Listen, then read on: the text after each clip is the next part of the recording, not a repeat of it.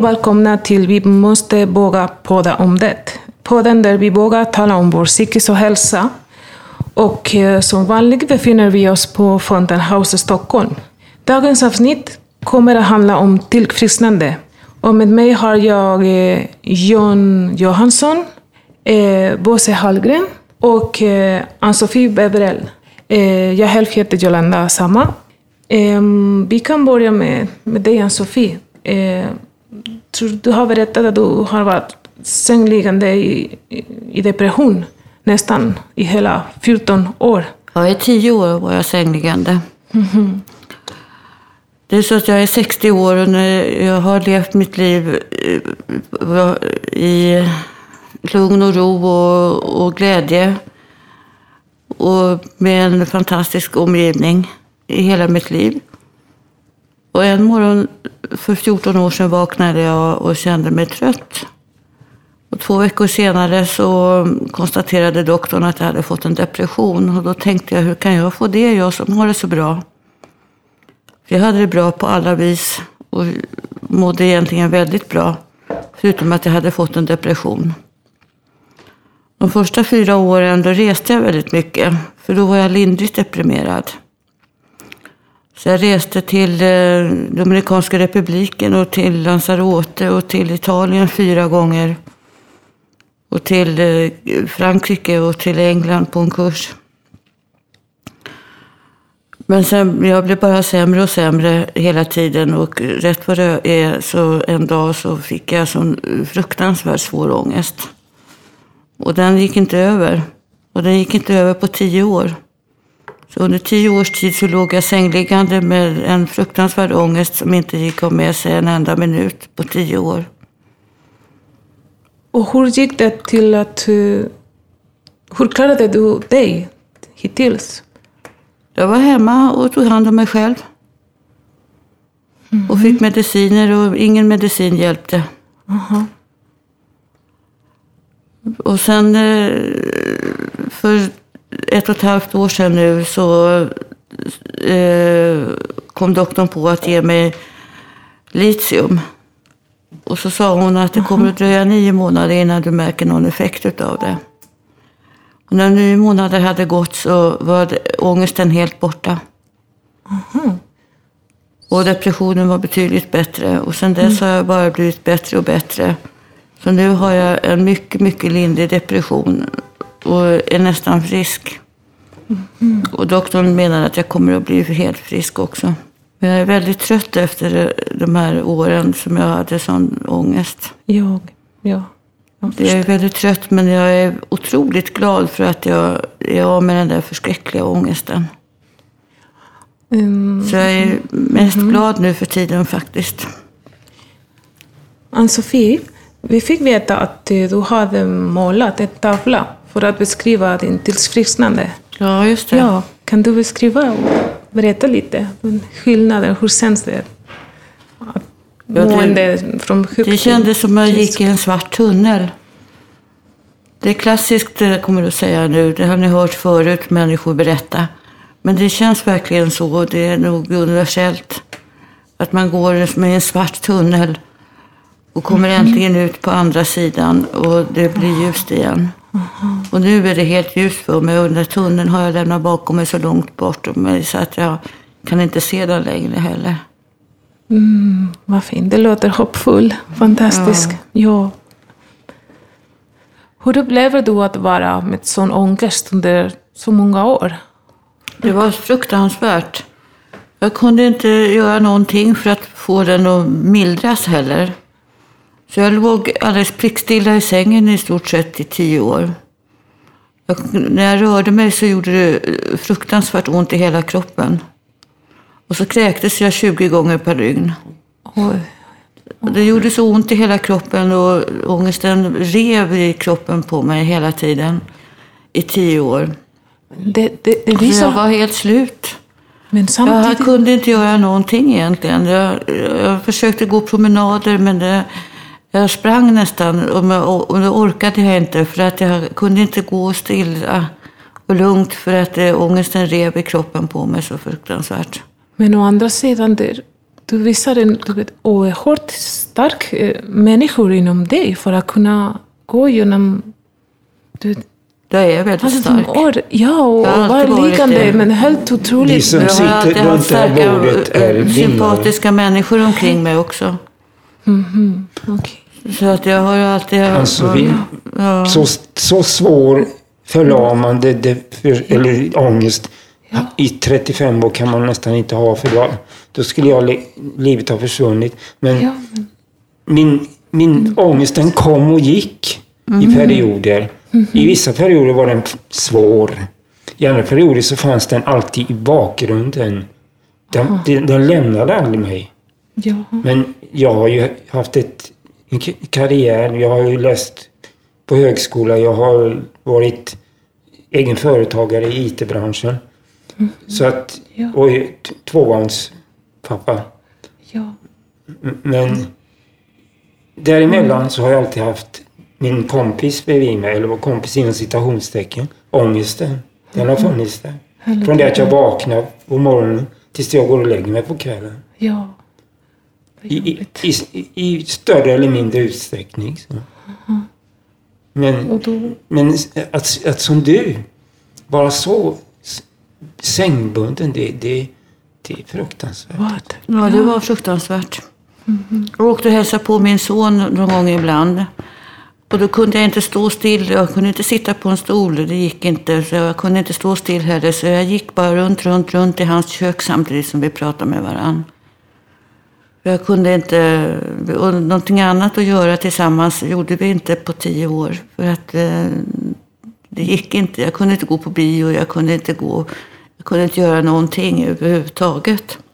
Ja, det var fantastiskt. Jag gick och handlade till mig själv och jag städade min lägenhet. Jag ville inte ha någon hemhjälp, hemtjänst, som skulle hjälpa mig med sånt. För att jag behövde någonting att göra. Så jag gick och handlade var tredje dag och lagade min mat hemma till mig själv. Det var det jag klarade av att göra. Men det var litium som räddade mig. Vad bra. Tack, Ann-Sofie. Dreaming, hoping for another try. I've been looking, searching deeper down inside. And if I lose my way, I'll find another road. Cause I can make a change on my own.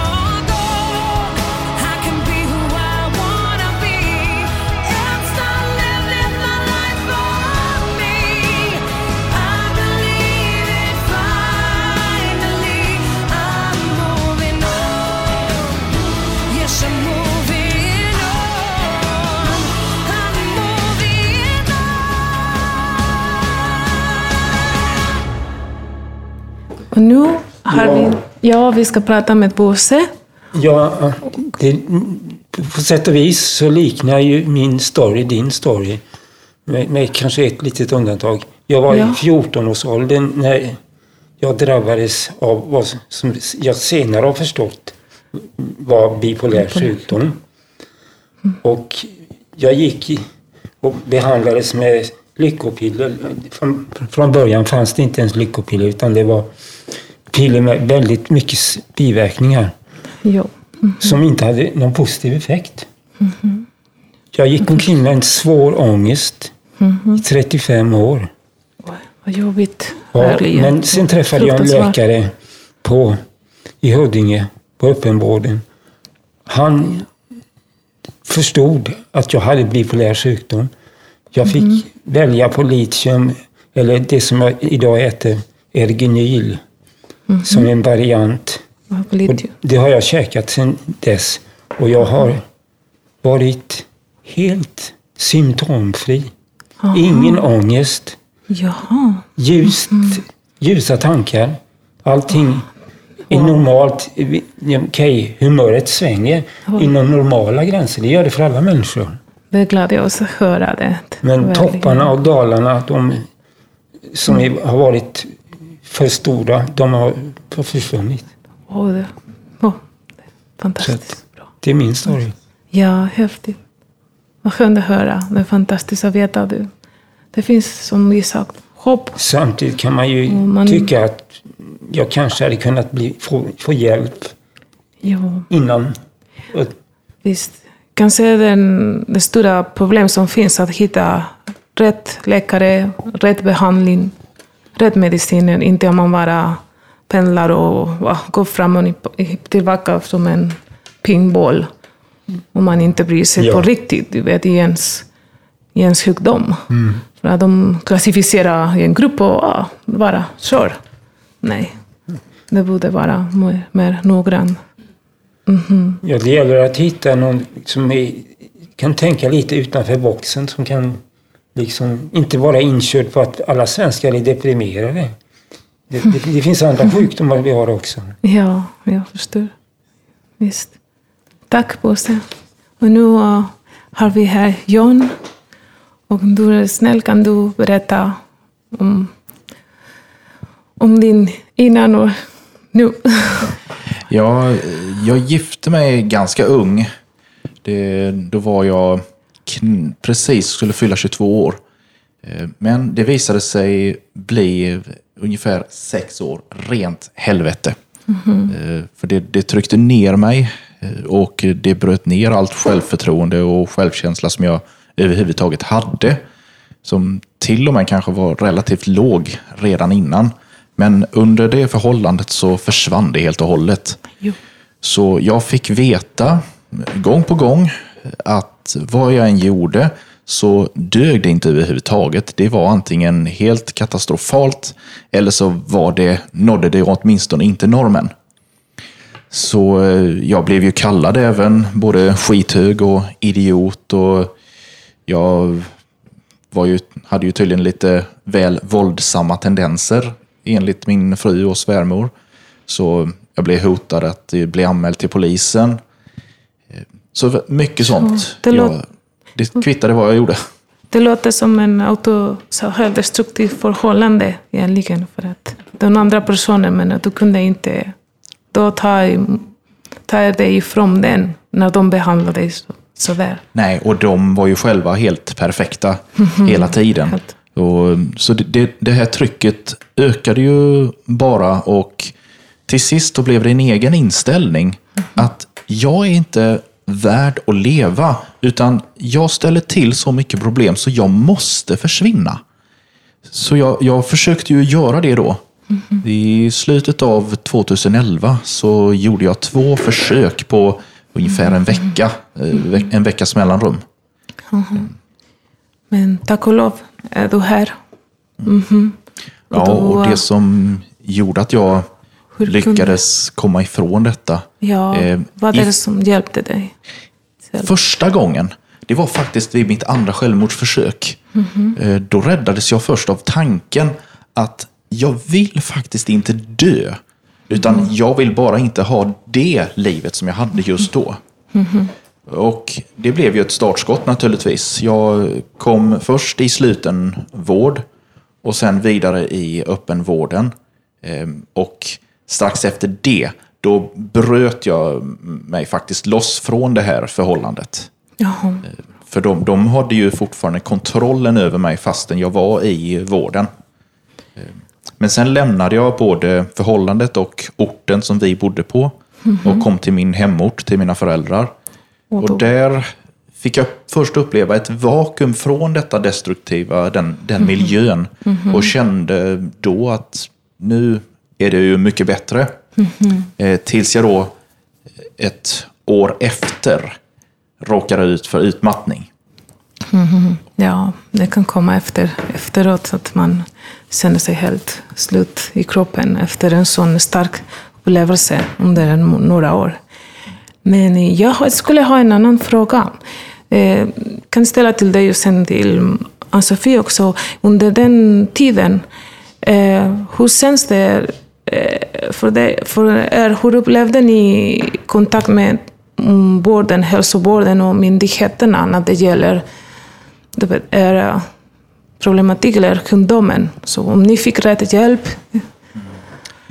Sen, sen när ni, till exempel du John, att du fick rätt hjälp från läkaren. Jag känner Eh, att jag har haft mycket tur på den eh, fronten. fall. Eh, Nu blev det väldigt eh, kort period här i det första skedet efter mina självmordsförsök. Eh, och, så det hade jag väl inte så mycket att säga om där. Jag, jag tyckte de, de skötte det bra som gjorde det då.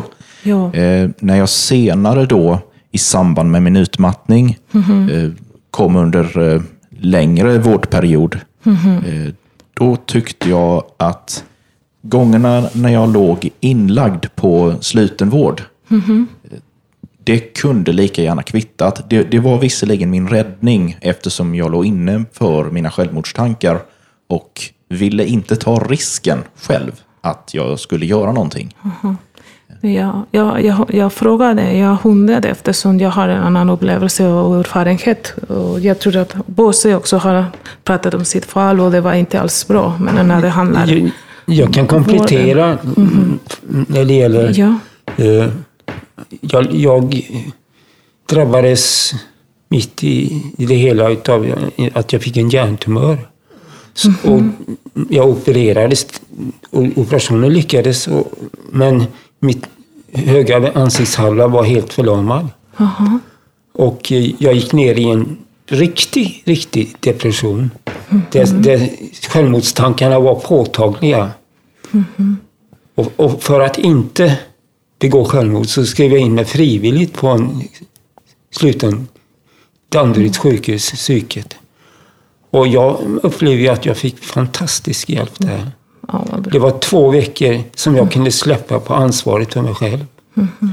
Och, Vad bra. och där kunde jag komma igen. Bra. Och det, sista gången jag varit inlagd på sluten psykiatrisk vård, det var också frivilligt. Det var 2004. Det var då det vände. Att jag fick rätt sorts medicinering. Så kallad stämningsstabiliserande medicinering istället för Jaha. uppburst. Alltså, Ja, vad bra. Så du har fått båda sidor. Så. Ja, I början det gick inte bra, men till, till slut fungerade det bra för dig. ja, visst. Sen, sen, det är ju en förfärlig historia du berättar, John. Ja, Du, ja, du var ju frisk. Egentligen. Och det, det, inte, var inte du som behövde tillfriskna från början. Ja, det var, det var kanske... Ja, vi förstår. Det har jag ju tänkt på många gånger att det, jag ser i alla fall inte som att det fanns någon större chans att få dem att inse att de behövde hjälp. För de, de var ju perfekta. Ja, men det Ja. tror jag också. Jag, det är jag övertygad om att det var så. Men det är ju förfärligt. Mm. Och tyvärr är det ju ingen ovanlig historia heller Nej, med, med sådana här förhållanden. nej. Eh, Och därför känner jag också att det är viktigt att berätta. Eh, Jag, jag hade tur som inte Ja. Ja, som Men du- faktiskt du gjorde- lyckades behålla livet. Du gjorde mm, försök som kanske var cry for help. För män som brukar tyvärr göra definitiva självmord. Ja. Det ju- och det är ju just dem man vill rädda. När man väl har varit så pass nära men ändå lyckats komma undan. Då blir det eh, en motivation att försöka hindra de som kan vara på väg. Ja, Och, eh, absolut. tack Bosse och John.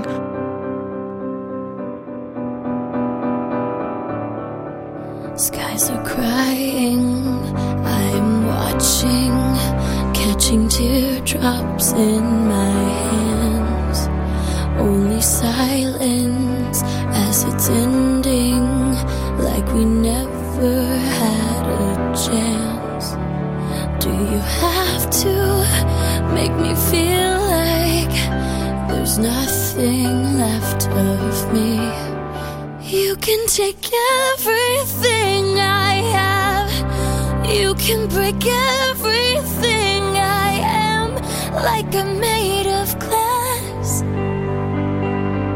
like I'm made of paper.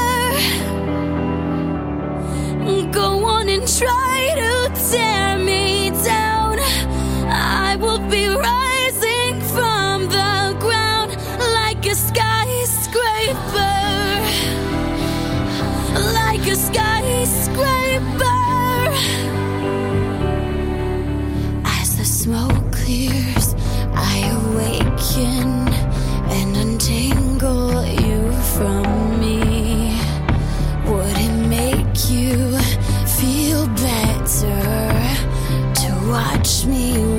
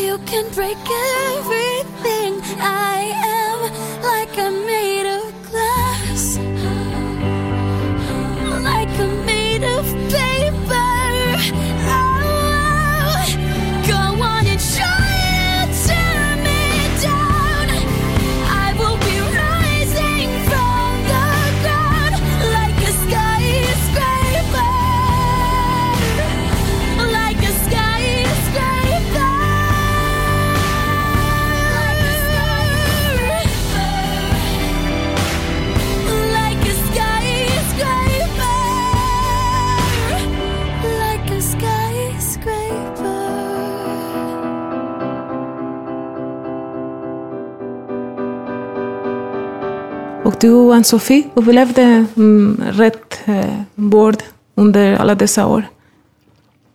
Under alla år har jag haft eh, fantastiskt eh, vänliga läkare Vad bra. till, till god hjälp på, på många sätt. Men tyvärr så har ingen medicin som de har gett mig hjälp någonting förrän jag fick litium.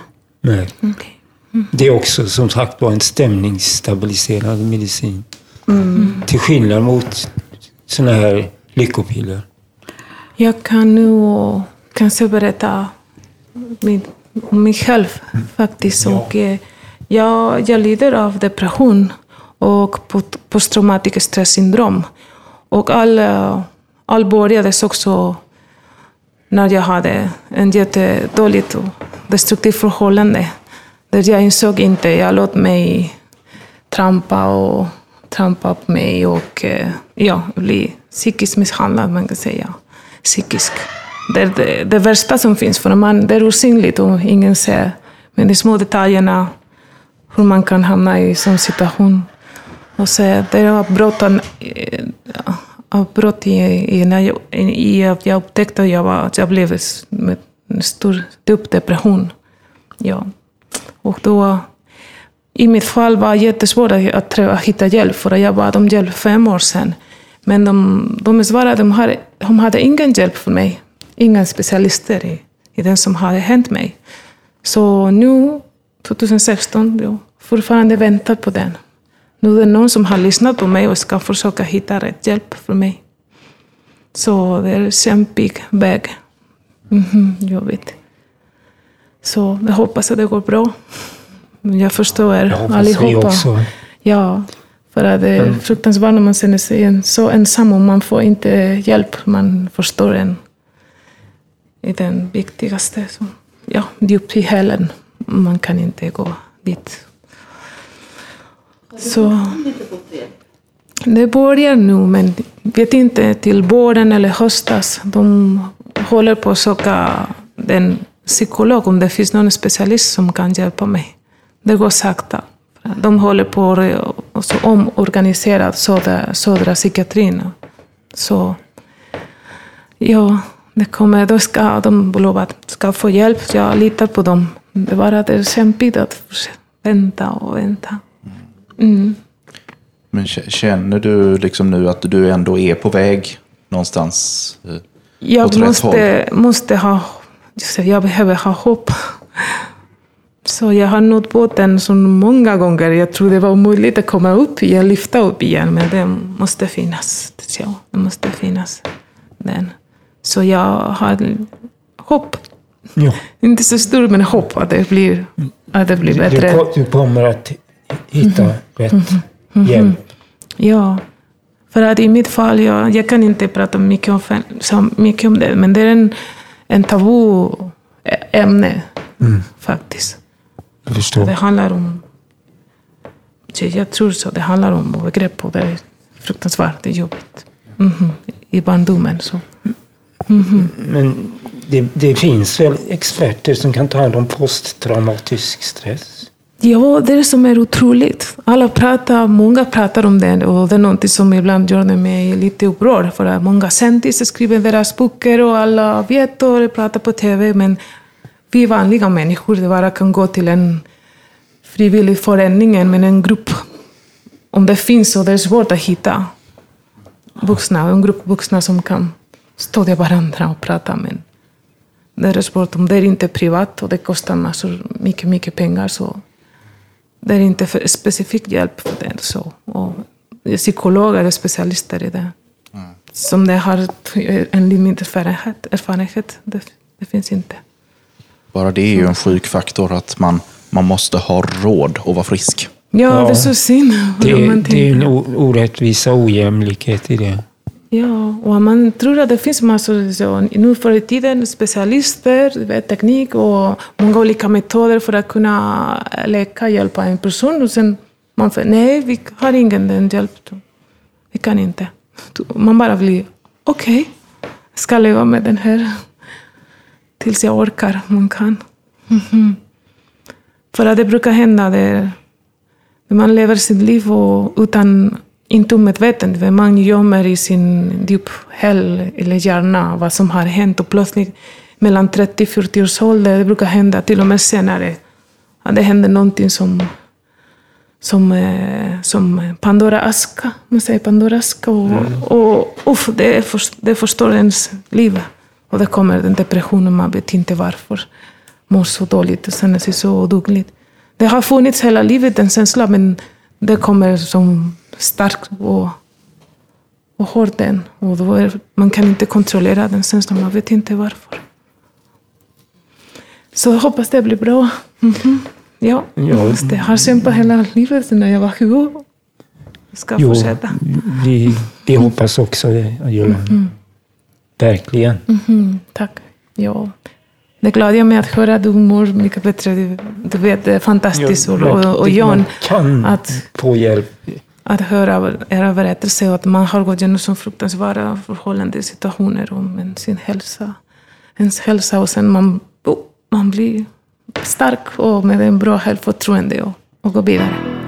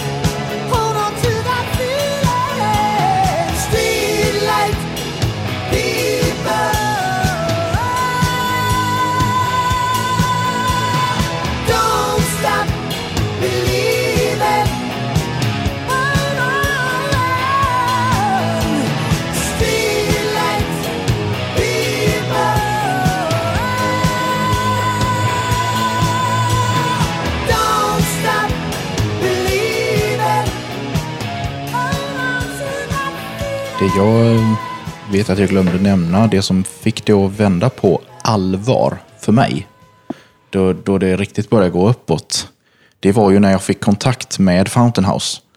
Eh, Och där jag, det var där jag började växa. Eh, För jag fick, jag fick tillåtelse att må dåligt för det första.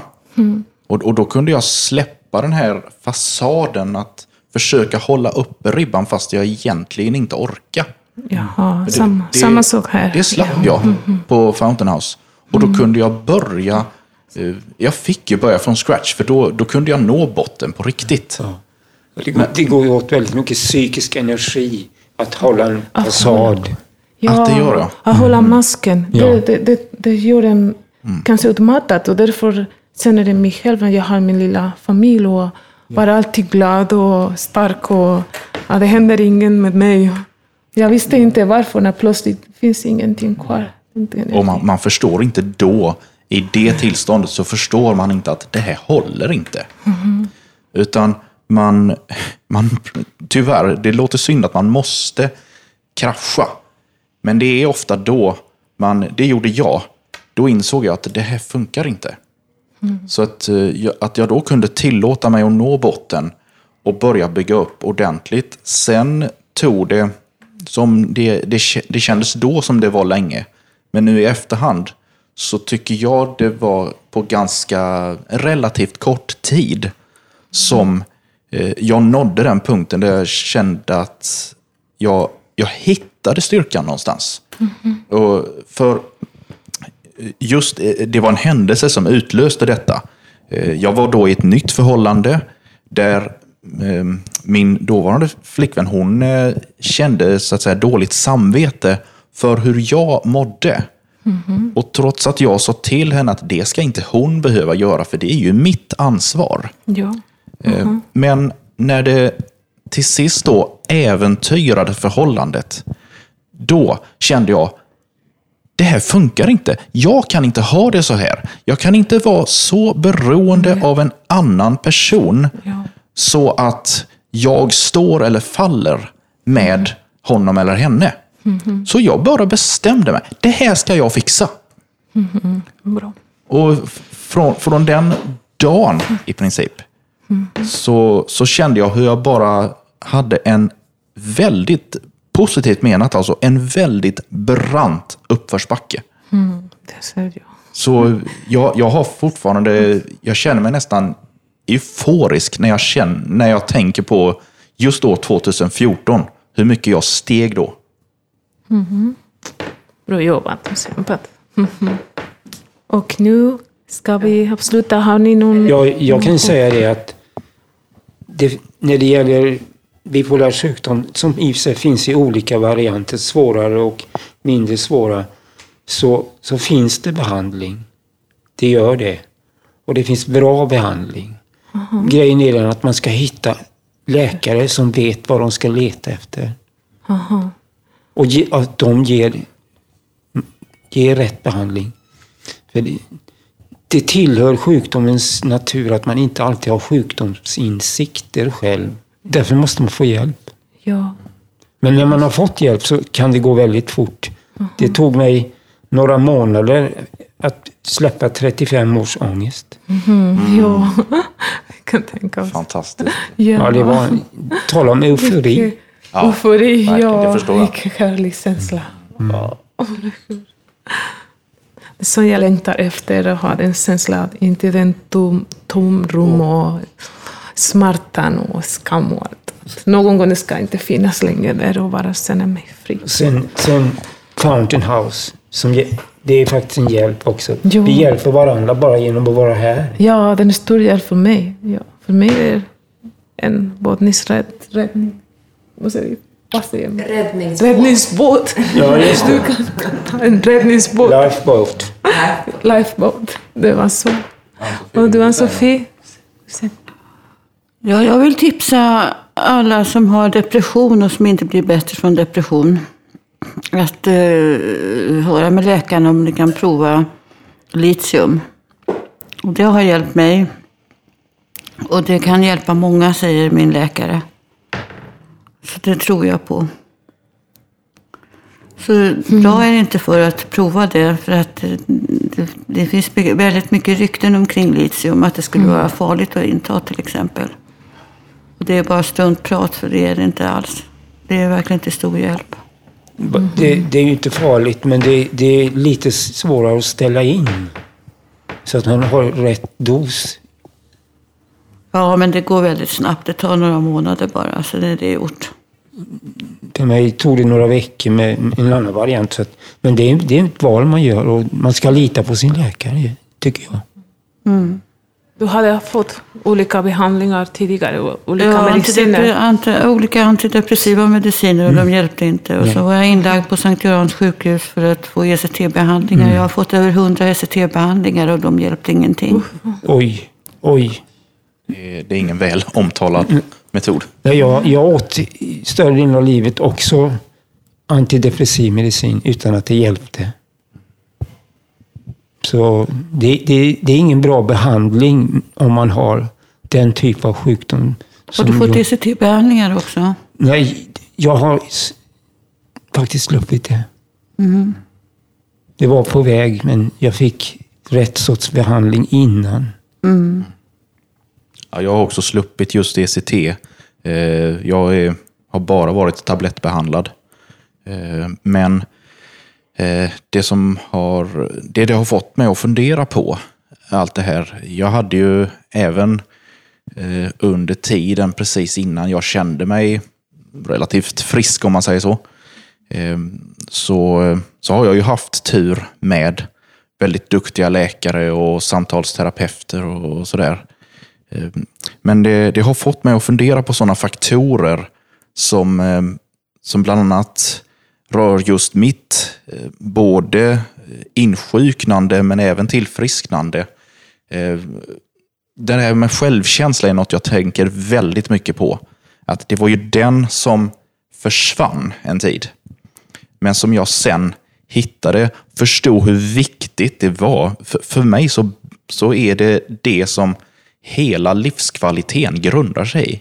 Det, det är just i självkänslan. Hur värderar jag mig själv oavsett vad andra säger? Det var ju, det var ju så här, som, som du har berättat, att den togs ifrån dig, självkänslan. Den försvann ju på grund av att de stal den. Ja, visst. Det, ja, det, det, man kan inte göra människan mera ont än sådana saker. Det, det är fruktansvärt. Ja, verkligen. Ja, det är det. Jag kände att jag fick stöld när jag var sju år gammal. Så det var för länge sedan. Och låtsas, om man har den, men att låtsas, låtsas, jag vet inte. När man upptäcker att man har ingen känsla, det är så hemskt under hela, Ja, halva sitt liv. Verkligen. Och det, jag det, jag vill, det. det, det jag vill sporra andra med, det är att idag så känner jag att idag kan ingen stjäla min Mm. självkänsla. För den, den kommer från mig. Ja. Jag, jag har hittat den själv. Jag hittade den med hjälp av eh, min, eh, min uppbyggnad på Fountain House. De hjälpte mig att hjälpa mig själv. Okej, då kan vi avsluta kanske. Och vi tackar er för att ni kom hit. Ni har kommit hit till Fountain House. Och um, vi ses. Och vi tackar för att vi fick vara med. Ja, precis. Tack, så mycket. Tack till alla.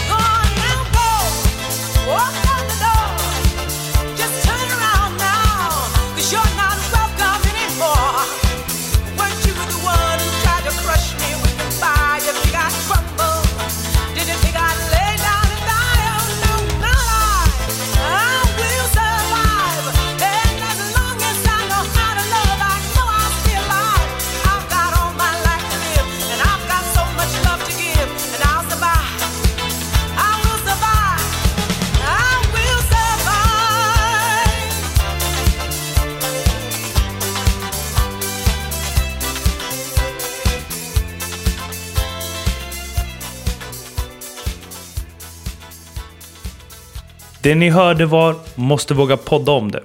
En podcast gjord av medlemmarna på Fountain House Stockholm och den går att hitta på iTunes och Acast. Måste våga podda om det kommer från projektet Vi måste våga tala om det som jag, Benny Rodin, startade tillsammans med medlemmar på Fountain House, deltagare på Radio Total Normal, som vi sänder nu. Jag åkte ut till Hasse Bergman som skrev texten till låten som blev projektet och ställde frågan varför är det så viktigt att vi talar om psykisk ohälsa? Därför att vi lever, som jag ser det, i, i, nu generaliserar jag ganska grovt, men eh, som jag ser det så lever vi i eh, en lögn. Det är ett spel vi håller på med hela tiden. Vi håller färg, vi berättar inte hur det är för att man vill inte förlora ansiktet, man vill inte förlora några så här creditpoäng eller vad det nu är man vill eh, behålla. Eh, och det märkliga är att om man verkligen börjar gå ut och berätta eller prata med sina vänner om det här så inser man ganska snart att du banne mig inte ensam. Och eh, att man vinner många poäng på det, just att berätta, att vara öppen. Del för min egen självkänslas skull tycker jag, liksom, för att då, då lever jag i en, eh, jag, jag, behöver inte sätta upp en, en eh, attityd eller en, en eh, stil liksom, som inte är min, utan jag kan vara sann mot mig själv så att säga. Det här är jag, det här är en del utav mig. Liksom. Eh, och det är någonting som är väldigt viktigt för mig, att leva i, i någon form av sanning, sin egen sanning. Och, och det är att vara rak och ärlig bland annat. Och även om sådana saker som är lite tuffa och svåra att hantera kanske. Det är inte att man sitter och, och ventilerar sånt här på eh, ett party direkt utan det är mer i förtroendesamtal. Så där, kanske inför en, en mindre grupp eller, eller med en vän eller något sånt där. Liksom. Och det kan bli väldigt fina samtal utav det här och det kan väcka upp andra också. Och, ja, det hjälper mig, det hjälper andra helt enkelt att prata om det. Och eh, det minskar självklart stigmatiseringen utav det här. Alla har eh, någon gång i livet, jag är ganska övertygad om, om man, om man har varit med och levt ett tag så, så har man upplevt perioder som inte har varit så lätta. Liksom. Och det kan man ju faktiskt klassificera som psykisk ohälsa nästan. Liksom, det blir depressioner och det är ångest. Och jag tror att det ligger väldigt nära varje människa faktiskt. När jag tittar tillbaka så ser jag en liten grabb med blåslagna ben och skrubbade knän. Han var överallt. Och när jag tittar på dig så ser jag en kvinna som lämnat tillbaks ungdomens alla förnedrande känslor och krav. Men nu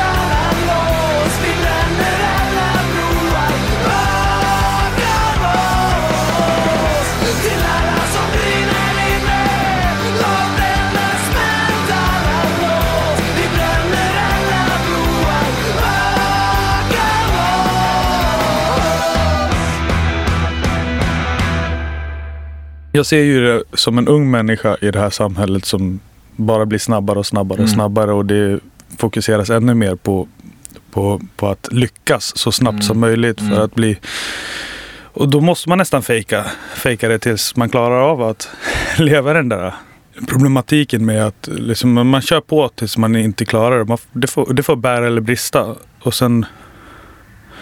Hur tänker du kring det? Alltså är det Jag, jag ser precis samma sak som du. Eh, exakt. Jag är uppväxt på 60-talet. Där var det Love, Peace and Understanding. Det var något helt annat. Allting var bara toppen och det var bara framåt. Det var ljus och kärlek och allt det här. Eh, och det har vänt. Det var väldigt mycket framtidshopp då. Det är det inte idag. Det, det är egentligen ett ganska mörkt scenario som vi har omkring oss. Liksom, att vi tömmer jordens resurser, att det är våld och krig via flyktingkrisen. Och det händer grejer. Det, det händer mycket grejer. Och mitt i allt det här så ska man som ung människa lyckas med saker, någon form av karriär alltså, för att bli någon så att säga. Och eh, det är en helt absurd tanke eftersom man redan är någonting. Måste jag säga. Det är, det är, det är bara att vi, vi Kör man det racet så tror jag att det är ganska vanligt att man missar sig själv så att säga. Att man blir någonting annat än vad man kanske skulle ha blivit egentligen eller borde vara. Man stänger ner känslor och, och sen så man får inte vara dysfunktionell på något sätt utan måste vara på topp och prestera, prestera. Och jag märker ju också hur tempot ökar och hur eh, det här med utbrändhet, utmattningssyndrom och sånt där som jag själv har drabbats av två gånger då. då. Och, eh, det är konsekvensen av eh, det som händer ute i samhället. Liksom. Och eh, jag hävdar att det är helt fel spår. Det är verkligen fel spår. Så att samhället i sig skapar psykisk ohälsa när det egentligen inte borde finnas. Har jag en känsla av.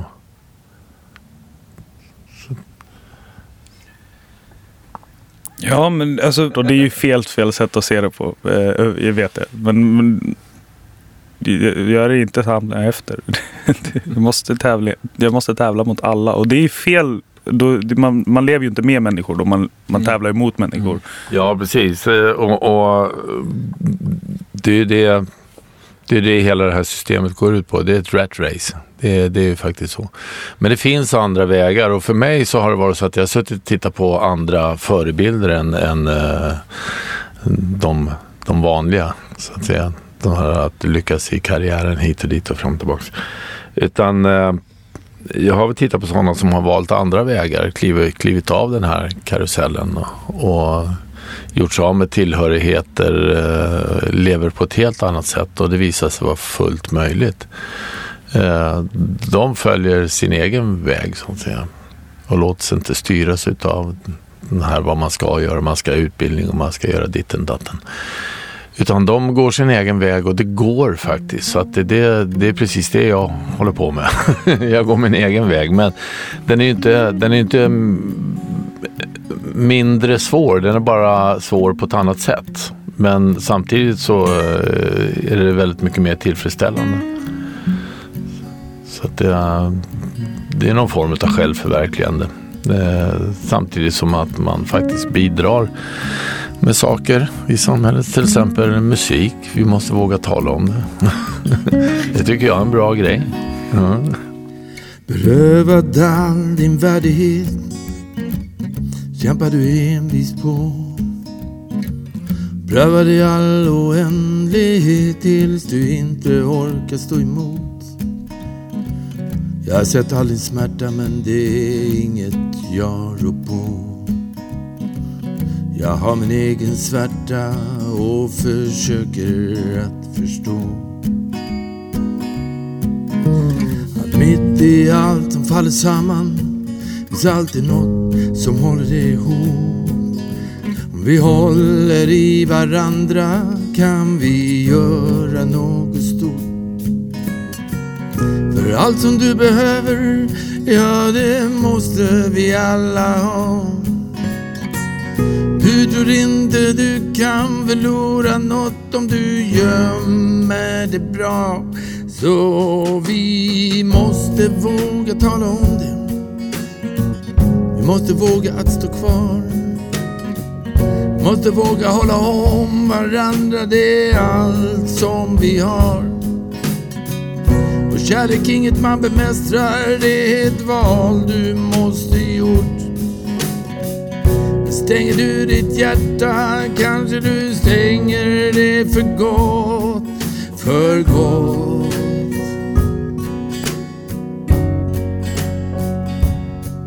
För oss, för gott.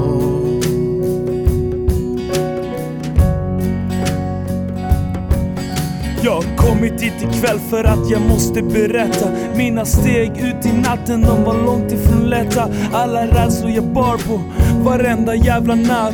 Jag var, hur, varför, när glömde jag mitt skratt. Och för tårarna de fastnade, försvann där någonstans. Jag var känslomässigt avstängd och totalt iskall För jag lärde mig att tjäna på att hålla min mask. Ja, jag lärde mig att tjäna på att hålla min mask.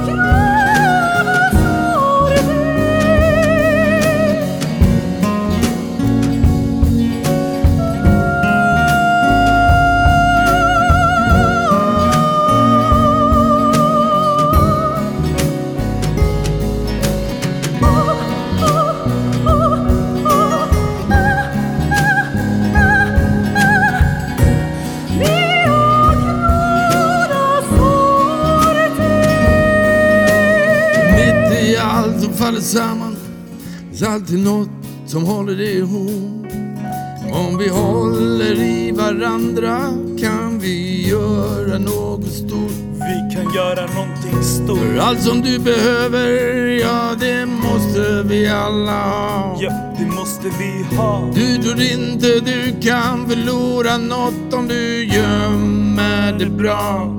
Så vi måste våga tala om det.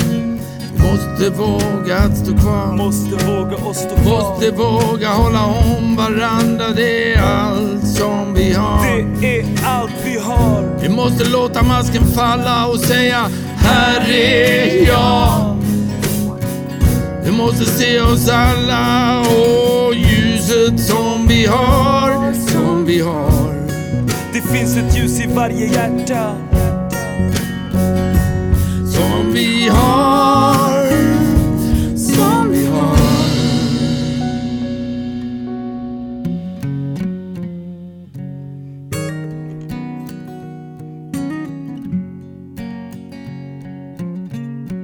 Varför gjorde vi det här tillsammans eh, med alla de mu- unga och gamla musiker vi spelade?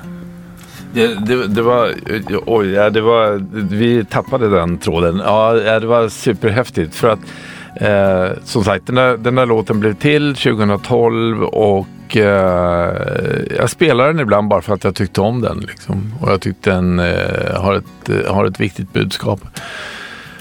Och så spelade det för eh, Jim, våran vän. Eh, och han tyckte att det här var en kanonlåt. Eh, han fick för sig att eh, det skulle göras ett projekt utav det här och prata med, med radion, prata med Fontänhuset och eh, det blev ett projekt helt enkelt som resulterade i en skiva. Så vi gick in i studion, eh, åtta stycken var vi va? Eh, och det var egentligen bara jag och Jim som hade spelat tillsammans förut. Eh, in, innan dess så, så hade vi ju inte mötts i musiken, någon av oss. Det, det var, och det var helt fantastiskt. Vi hade fyra reptillfällen. Och Jag kommer ihåg första tillfället, det var, det var lite snurrigt. Det var väldigt lite musik och mycket snack. En del tjafs också. Ja, precis. Men det är tvunget. Vi måste ta reda på var vi står och var vi är någonstans och så här för, för att foga ihop gruppen. Liksom. Det var nödvändigt. Eh, och så var det de här studiedagarna. Det var två studiedagar. Det var fruktansvärt jobbiga.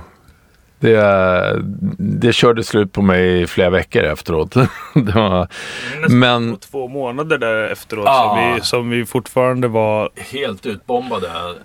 det var, men det var, det var fantastiskt roligt. Men, men det var ju det att, att vi höll på hela dagarna, 8-9 timmar tror jag. Och eh, det var kaffe och mat i flykten. Eh, det var totalt fokus hela två dagar och det är väldigt mycket eh, för oss allihopa tror jag. Och för mig som har den här utmattningsproblematiken, det var, äh, det var, det var väldigt mycket för mycket. Eh, men det var skitkul, rent ut sagt. Mm. Och det var superhärligt för att det, det som hände också, det är att vi kom varan, varandra mycket närmare också i gruppen och det var superhärligt. Eh, så att det, det finns en skiva. Det är helt underbart. Ja, det här finns ju på olika så här, tjänster på internet och sådär. Ja. Där man, ska, där man kan lyssna på det hur, hur mycket man vill. Gärna hur mycket som helst också. Det ska inte jag hålla på att säga. Ja, jag kan säga det. Nej, vi är jäviga bägge två. Nej men det, jag tänker för att det, det, det roliga med det, det var ju att vi trodde ju att det skulle ta slut. Jag tror att vi hade en naiv tanke att, att efter de här två inspelningsdagarna så skulle vi få vila eller vi skulle, då kunde vi köra slut på, på oss själva. Jag hade den tanken i alla fall. Att nu, nu är det över. Det var inte riktigt över då. De- Det bara fortsatte och det bara blev än, det blev ännu mer grejer att göra och ännu mer saker. Det blev- Vi hade väl någon till halv dag i studion där och skulle mixa den här låten. Ja, det var ju inte heller världens lättaste grej. Ja, då var vi redan körda så att säga. det, var, det, var, ja, det var galet kul. Det var helt underbart. Jag tror jag, jag, tror jag låg på golvet där en, en, en, en gång in, under den här studieprocessen och bara grät över att ni inte lyssnade på att jag ville ha med något, ett, en, en trumgrej där. Men var det inte den du fick med? Ja, jag fick med den till det slut. den- Ja, det var den Emma satte precis innan, innan operadelen. Ja. ja, precis. Ja, den är, ja, det var bra att du kämpade för den, för den är grym, just den passagen. Det, den är helt fantastisk. Verkligen. Så att, ja. Men vad ska Det var väl kalla, vad man kan kalla kreativ ångest på riktigt. Ja, det var kreativ ångest. Jag fick inte riktigt ut hur jag skulle förklara. Hur, Men det var din ångest, det var inte min.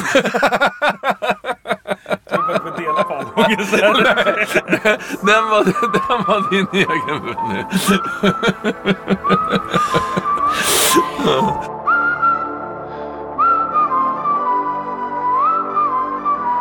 Jag skrattar idag, kanske gråter jag sen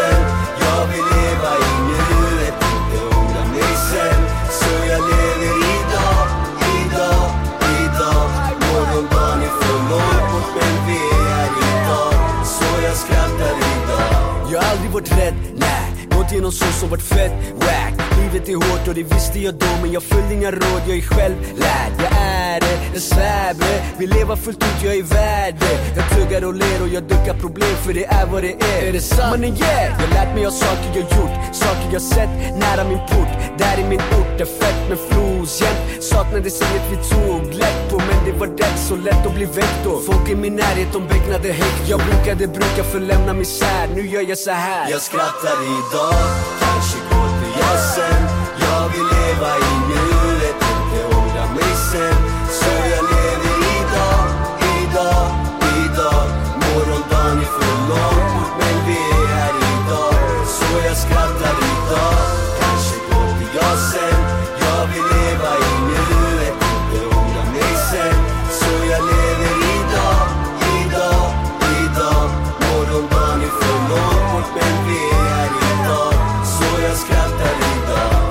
dagar är brorsan på topp, topp. Andra dagar är brorsan på noll, noll Vissa dagar är jag redo att dra För det känns som att ingenting spelar någon roll Som när nära går bort, livet tar stopp. Jag lever i nuet, vår tid är i kort. Jag pussar min mamma på kinden och ax För Benny vill leva ut livet till max.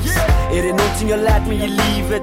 Är att aldrig ta någonting för givet? Låt oss skåla för det, för man får det. Man ger inget mera med det, allt är skrivet Gårdagen är redan förbi? Morgondagen är för långt bort i tid. Ta vara på tiden jag fått, det är så jag vill leva mitt liv. Jag skrattar idag, kanske gråter jag sen Jag vill leva i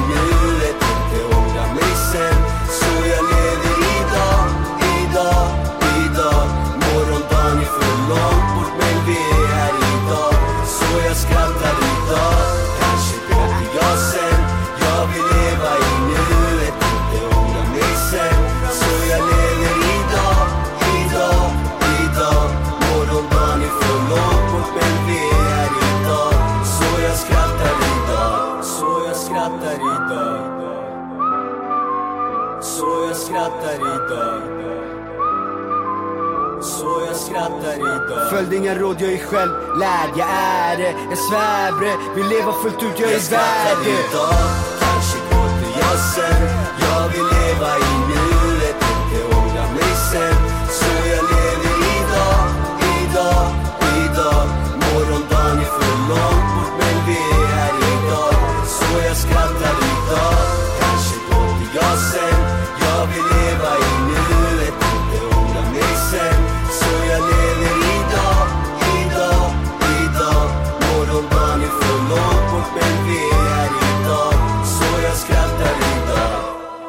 Nej, jag tänkte på det här med att det, det, det fortsätter ju faktiskt fortfarande. Det, eh, det smyger in eh, lite aktiviteter här och där. Eh, och ja, det, är, det är intressant.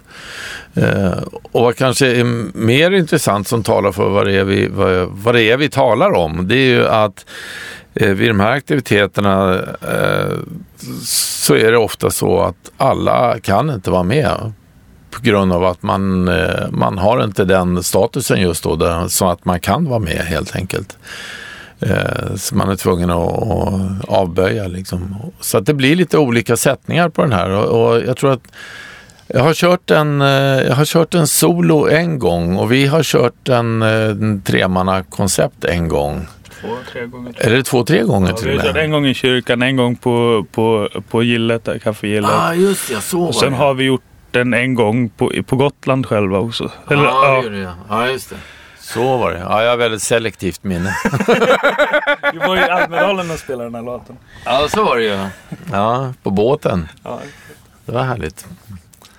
Nej, så att det, eh, den tar sig ju lite olika former och, och sånt där. Nu spelar den ju inte så, så himla ofta, men det rör i alla fall på sig. Det finns eh, andra eh, människor och grupper som är intresserade av samarbeten och att använda den här på olika sätt. Eh, och det är jättekul, liksom, för det är precis det som är meningen. Det, det är inte meningen att vi ska stå på scen hela tiden. Det är i alla fall inte min tanke. Eh, jag har ingen önskan om det heller, utan jag vill bara att eh, ordet ska spridas, så att säga. Att det ska vara en språngbräda för eh, andra projekt. Så att, eh, Ja, själva konceptet får väl gärna eh, ta sin, alltså leva sig själv. Alltså i sina, sina egna former. Vem som helst, jag, jag tycker ju alltså personligen att vem som helst kan jag få spela den här live om de vill. Alltså om de, om de bara håller sig någons lite Mm. till orden eller lägger in lite där de, själv, det de själva tycker är viktigt så, så får de gärna spela, Mm. eh, spela det. Eh, Så Ja, det spelar ju för mig ingen roll om någon, om någon säger att jag, om de här personerna gjorde det, gjorde det original eller de Mm. gjorde det. är inte så viktigt för mig så länge liksom det lever vidare. Liksom. För jag kommer inte orka spela den här låten i framtiden. Jaha, jag, jag spelar den fortfarande gärna, alltså, för, för jag tycker så mycket om den. Det, det, jag får någon form av relation till, till mina låtar, väldigt många av dem.